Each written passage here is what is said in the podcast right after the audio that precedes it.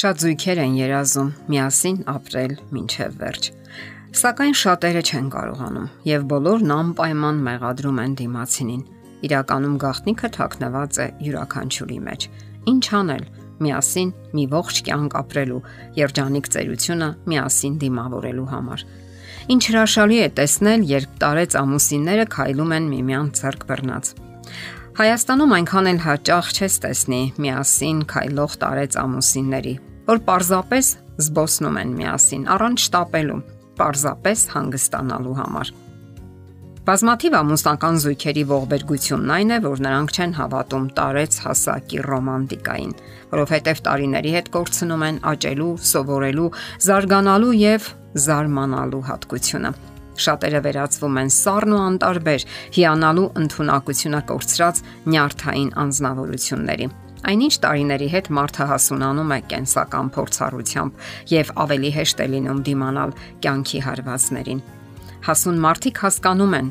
որ կգան մռայլ օրեր։ Առանց դրա պարզապես հնարավոր չէ կյանքը, սակայն խնդիրը նաև դա չէ ամբողջ հարցը դրանք թեթևորեն եւ սահուն հաղթահարելու մեջ է։ Ցավոք շատերը մտածում են, որ երջանկությունը հորինված առասպել է, իսկ երազների կապույտ ձիավորը հորինվածք։ Դուք այդ բոլորը մտածելու եք այն ժամանակ, երբ վիրավորվել են եւ խոցվել ձեր զգացմունքները, երբ վիճել եք եւ հիասթափվել։ Դուք հավանաբար նայել եք սպիտակ եղենի կուտակված բլրին եւ մտածել, որ ամուսնությունը այն չէ, ինչ ներկայացնում են գեղարվեստական գրականության մեջ կամ երգերում ու ֆիլմերում։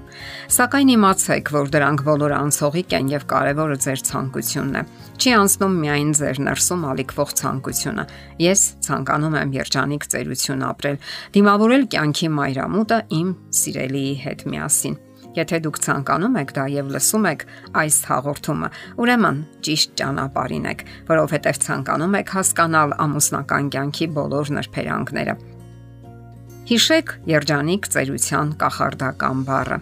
Ես ցանկանում եմ։ Իսկ եթե ցանկանում եք, ուրեմն սովորելու ճանապարհին եք։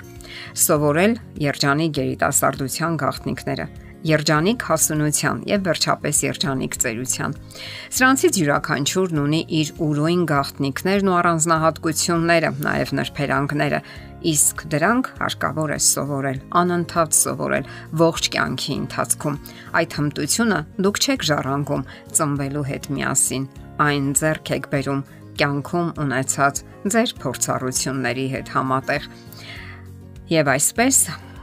Մտածենք, որ դուք ցանկանում եք։ Ցանկանում եք լինել միասին եւ հասկանալ թե միմյանց, թե շրջապատի մարդկանց։ Սա անկարևոր չէ։ Թույլ մի տվեք որևէ մեկին, որ ներխուժի ձեր կյանք։ Սկիզբը գուցեև դժվար լինի, սակայն ժամանակի ընթացքում կդառնա կենսակերպ։ Եվ մարդիկ էլ կհասկանան, որ դուք այն անznավորություններն եք, որոնց կյանքի մեջ իրավունք չունեն մուտք ունենալու դուք միասին եք։ Իսկ մշակույթն ու ավանդական պատկերացումները ուղարկեք այնտեղ, որտեղ դրանց տեղն է եւ որքան հնարավոր է հեռու։ Իսկ հետեւյալ կանոնները կօգնեն ձեզ համատեղ ապրելու ձեր ամուսնական կյանքը եւ պատրաստ լինել դիմանալու կյանքի անակնկալներին ու հարվածներին։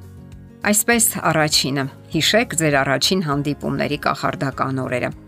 Հավատացեք, որ դրանք կարող են կրկնվել։ Որոնեք նորն ու լավը ձեր հարաբերություններում։ Մտածեք, ինչպես ստեղծել դրանք նորովի։ Ամուսնությունը նույնպես ստեղծագործական մոտեցում է պահանջում։ Իսկ դուք երբևէ մտածել եք, որ ձեր կողակիցը հենց նա է, որ լավագույնն է եւ որ հավասարապես կիսում է ձեր բոլոր դժվարություններն ու հոգսերը Իսկ իրականում դա հենց այդպես է։ Եվ հիշեք ձեր առաջին հանդիպումների ռոմանտիկան։ Կրկնեք դրանք։ Մի մտածեք, որ դուք ծերացել եք։ Իսկ եթե մտածում եք, որ ծերացել եք, ուրեմն իսկապես ծերացել եք եւ դժվար կլինի ձեր կողակցի համար նման ծեր մարդու հետ անցկасնել ժամանակը։